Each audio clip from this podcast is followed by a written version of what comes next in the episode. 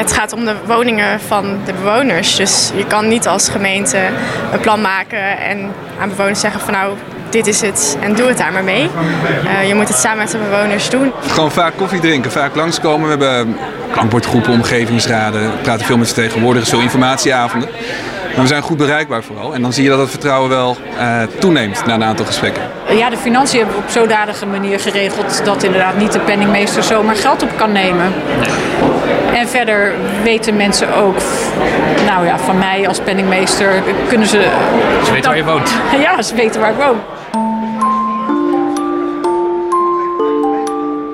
Dit is Hier opgewekt, de podcast. Een podcastserie over en speciaal voor energiecoöperaties. Gemaakt door mij, Maarten Dallinga. Misschien heb je mij eind november wel gezien bij het evenement hier opgewekt. Daar verzamelde ik heel veel interessante ervaringen, opvattingen en tips. En die hoor je terug in deze serie. Aflevering 6: Vertrouwen. Als gemeente hebben we gekeken welke wijk een geschikte wijk zou zijn om als eerste zonder aardgas te verwarmen. Dat is een bestaande wijk. Je hoort Rianne Klein-Hulsen van de gemeente Ermelo. Zij werkt aan de Wijk van de Toekomst, Wijk West. Deze wijk kwam daaruit uit dat onderzoek wat we hebben gedaan naar voren als een kans uh, om samen met bewoners te gaan onderzoeken hoe zij zonder aardgas kunnen gaan wonen. En waarom deze wijk? Uh, ja, we hebben dat samen met de woningcorporatie en uh, de netbeheerder bekeken. En deze wijk kwam naar voren omdat hier het aardgasnet financieel is afgeschreven. Waardoor je, als je dat niet meer gebruikt, zo laag mogelijk maatschappelijke kosten hebt. en de woningcorporatie ging hier al groot grootschalig isoleren naar label A. Uh, dus nou, meer dan de helft van alle woningen uh, maakte al een hele grote stap richting aardgasvrij. En nou, wij als gemeente wilden juist uh, ook de bewoners, de eigen particuliere eigenaren, daarin betrekken. Dat is ongeveer een derde van de wijk. De aanpak van de gemeente Ermelo is een voorbeeld van hoe je in de energietransitie vertrouwen kunt creëren. Hoe zijn jullie te werk gegaan? Nadat we die wijk hadden gekozen, toen zijn we direct naar de bewoners gegaan. We hebben iedereen uitgenodigd voor een bewonersavond. En daar hebben we bewoners ook gevraagd om, uh, of uitgenodigd om met ons mee te denken in een werkgroep. Daar denken zij uh, over alles met ons mee. Over uh, hoe we het beste kunnen communiceren. Over het plan van aanpak. Hè, hoe we stapje voor stapje toe kunnen werken naar een aardgasvrije wijk. Ze zijn allemaal bewoners en ja, ze hebben allemaal met dezelfde vraag te maken. Nou, ze hebben bijvoorbeeld met ons meegedacht over de subsidieaanvraag die we hebben gedaan bij de provincie Gelderland. Uh, die subsidie hebben we gekregen en ze hebben met ons meegedacht over uh, het plan van aanpak. Uh, dus hoe we beginnen met een isolatiefase, want dat is een belangrijke eerste stap. En tegelijkertijd gaan we ons oriënteren op de techniek, op een alternatieve techniek. En het laatste is dan om dat ook toe te gaan passen. Maar eerst inderdaad die isolatiefase, waarin we bewoners eerst een energieadvies willen aanbieden. Dus dat ze heel goed inzicht krijgen hoe ziet mijn woning er nu uit en wat is er voor nodig om voor te bereiden op wonen zonder aardgas. Uh, zodat ze daar ook heel erg veel inzicht in krijgen. En als gemeente faciliteren we dat. Ik spreek ook met Sonja van der Eyck. Zij is penningmeester van de coöperatie Haags Opgewekt. Wekken jullie al? Ja, we wekken op. We hebben al één eh, dak met zonnepanelen en we zijn nu bezig eh, met een tweede dak. Hoeveel huishoudens is dat? In ons huidige dak hebben we ongeveer 70 eh, deelnemers, maar dat varieert van 1 tot 12 panelen. Hoe is de vertrouwensrelatie tussen het bestuur van de coöperatie en de leden? Hoe gaat dat? Ja, het meeste van vertrouwen kun je volgens mij op dat, ja, de investering gooien. Dat je zegt van ja, ik vertrouw mijn geld toe aan de coöperatie en de coöperatie gaat er dan iets mee bouwen waar ik dan uh, daarna uh, de vruchten van kan plukken. Maar dat is natuurlijk al op zich een hele stap. Dat je zegt van uh, hier heb je geld, ga maar aan de slag. Ja, ja. dat werd ook wel bij de informatieavond gevraagd. Zo van, ja, hoe kan ik er nou op vertrouwen dat dat geld inderdaad naar, die, naar die zonnepanelen gaat? En dan moet je inderdaad zeggen, ja, dat is inderdaad vertrouwen dat, dat we dat gaan doen. Maar we gaan het vertrouwen natuurlijk, geven we ook vorm. We zijn echt een coöperatie. Je kunt ons terugvinden in de Kamer van Koophandel. We gaan een ledenovereenkomst met elkaar aan. En we hebben, ja, de financiën hebben we op zodanige manier geregeld dat inderdaad niet de penningmeester zomaar geld op kan nemen. En verder weten mensen ook, nou ja, van mij als penningmeester kunnen ze. Ze weten waar je woont. Ja, ze weten waar ik woon, want het, het is wijkgebonden. Ik denk dat dat wel helpt in vertrouwen. Dat het Ja. mensen zijn die je in de supermarkt tegenkomt en op straat. En, eh, Word je wel eens op aangesproken van hey, hoe staat het ermee? Hoe, hoe staat het met de investering van mijn geld? Ja, als we wel eens eh, op een eh, braderie of zo staan in onze wijk, eh, dan komen mensen langs en herkennen ze het. En dan zeggen ze, oh ja, ja, ik heb ook panelen bij jullie. En ja, Vanuit jouw ervaring als penningmeester, heb je een goede tip voor andere energiecoöperaties wat betreft werken aan vertrouwen tussen het bestuur en de leden? transparantie. Ja. Ja. Zet de dingen maar gewoon op je website. ja.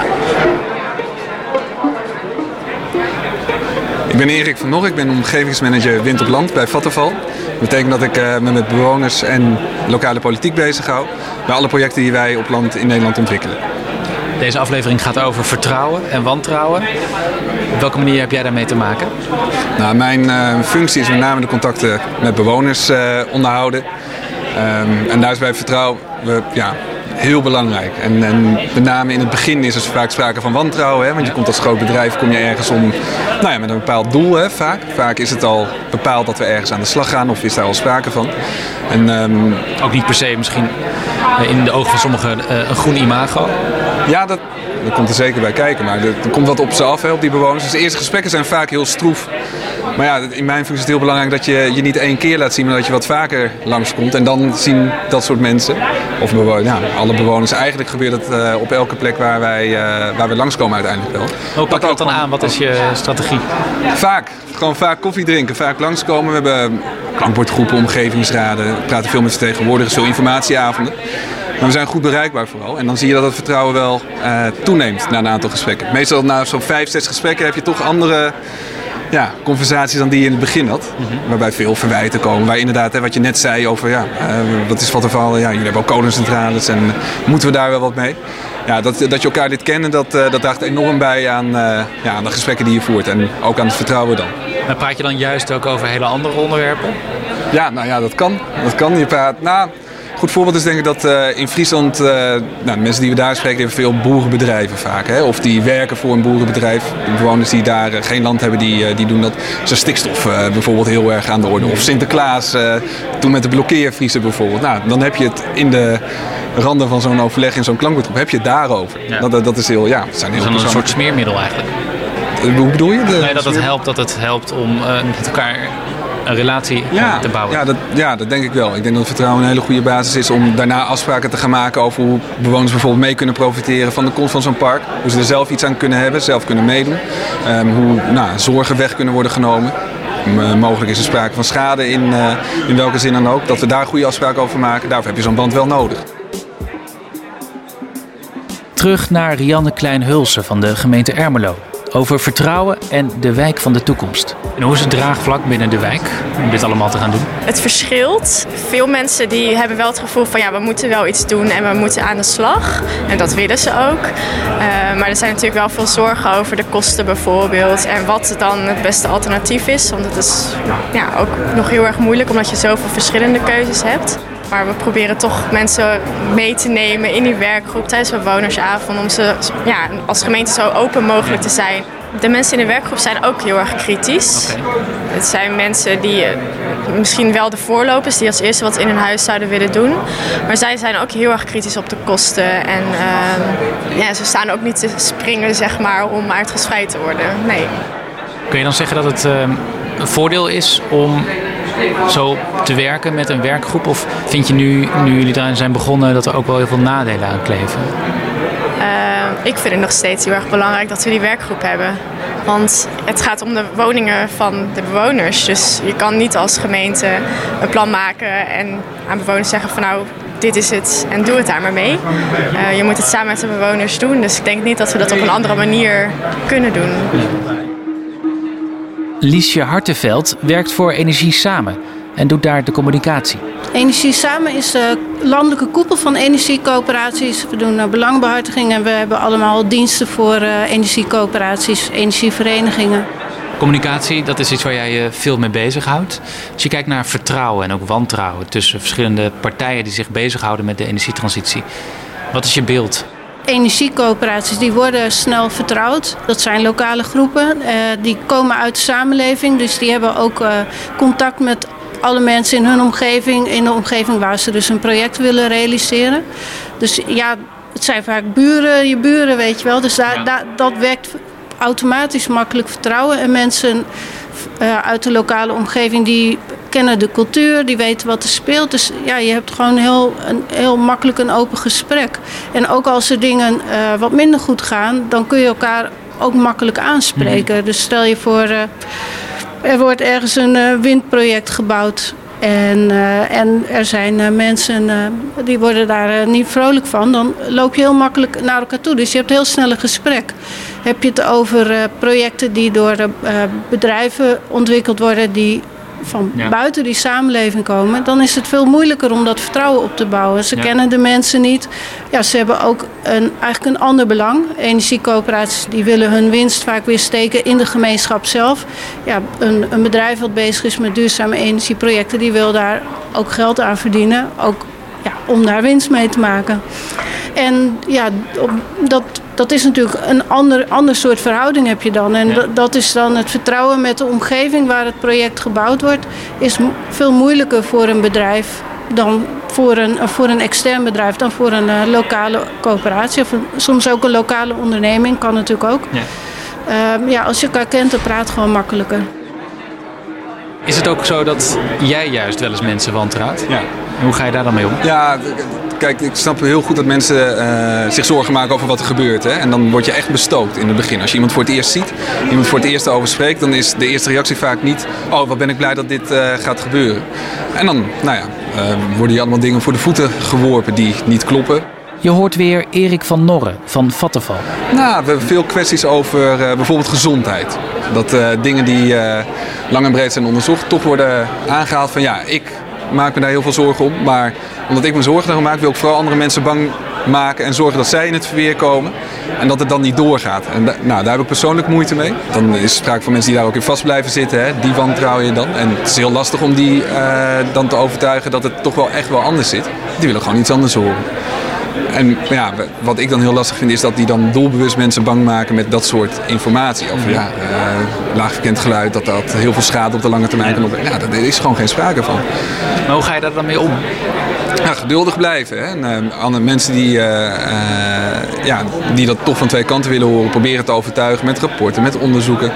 Ja. Um, maar ook ja, door specialisten daarvoor naar voren te schuiven dat het toch anders zit. En dat, ja, dat de enige gezondheidsklacht die echt onderzocht is en gevonden is, dat het te maken heeft met stress. Dat mensen zich zorgen maken dat er iets komt. Maar niet met, met zaken die, die met, ja, met ziektes of met depressie of wat dan ook te maken hebben. Dat, dat is een heel ander spectrum. De bedoeling is dat wijk West in Ermelo in 2027 aardgasvrij is, vertelt Rianne. Uh, nou, onze intentie is om met de subsidie uh, in zeven jaar tijd aardgasvrij te zijn. Dus dat is in 2027. Maar je zegt niet voor niets intentie. Ja, klopt. Want uh, ja, als gemeente kunnen we nu nog niet zeggen... in 2027 gaan we hier het aardgas eraf halen. Um, dus we proberen mensen zover te krijgen met de subsidie... en zoveel mogelijk nou, hulp van ons uh, om dat mogelijk te maken. En is al duidelijk wat er in de plaats komt van het aardgas? Nee, dat gaan we dus tijdens die oriëntatiefase op de techniek onderzoeken. Dus we kijken naar individuele technieken, uh, all electric, maar ook nog wel naar uh, collectieve oplossingen. Uh, dus we nemen alles mee en we hebben samen met de werkgroep ook een programma van eisen opgesteld.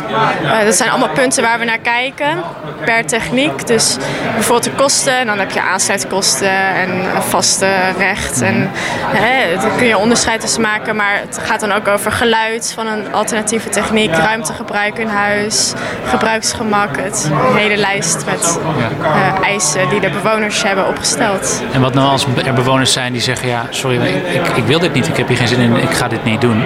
Onze verwachting is ook dat er een paar mensen zullen beginnen, echt de voorlopers, en dat na een paar jaar steeds meer mensen zien van, oh, mijn buren gaan iets doen, dus dat wil ik ook. Um, en er zullen ook mensen achterblijven en echt niet willen. Maar we moeten mensen denk ik ook pas dan kijken van ja, hoe gaan we dat dan over vijf jaar bijvoorbeeld aanpakken. Ja, om daar nu al een oplossing voor te hebben, dat is heel moeilijk natuurlijk. Kan je eens een voorbeeld geven van een groot succes dat jullie hebben geboekt, waarbij eerst sprake was van heel veel wantrouwen, uh, wat jullie hebben kunnen ombuigen in vertrouwen? Ja. En wat nu dan een uh, mooi resultaat heeft opgeleverd? We hebben in um, Brabant, um, bij de Moerdijkbrug, kop van de A16, hebben wij uh, een initiatief. Um, nou, in het begin zijn de grondposities uh, geregeld en daarna hebben we alle bewoners verzameld. Samen met alle grondeigenaren in één schuur van ja, dit zijn onze plannen. Dit is waar we naartoe willen. Hoe zien jullie dat en wat zou je daaraan willen hebben? Kijk, wij uh, laten mensen altijd mee profiteren van windparken van ons. Ook daar zijn bedragen uh, dan beschikbaar. Die zijn ingezet om een energiecoach naar voren te schrijven en om de huizen van het buurtschap te verduurzamen. Nou, dat concept hebben we van tevoren uitgelegd, besproken, neergelegd. Daar werden mensen enthousiast van. Ook mensen die andere vraagstukken hadden. Bijvoorbeeld uh, de schuur moet worden verbouwd, er moet asbest weg, er wil zonnepanelen. Nou, daar viel allemaal over te praten.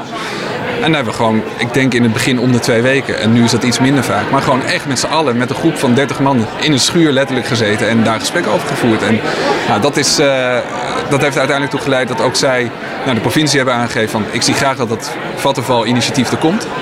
Ja, dat is ook gelukt. Om hoeveel molens gaat het? 27 totaal in het A16-project. Wij hebben daar zes van. Die we samen dus met die grondeigenaren daar uh, neerzetten.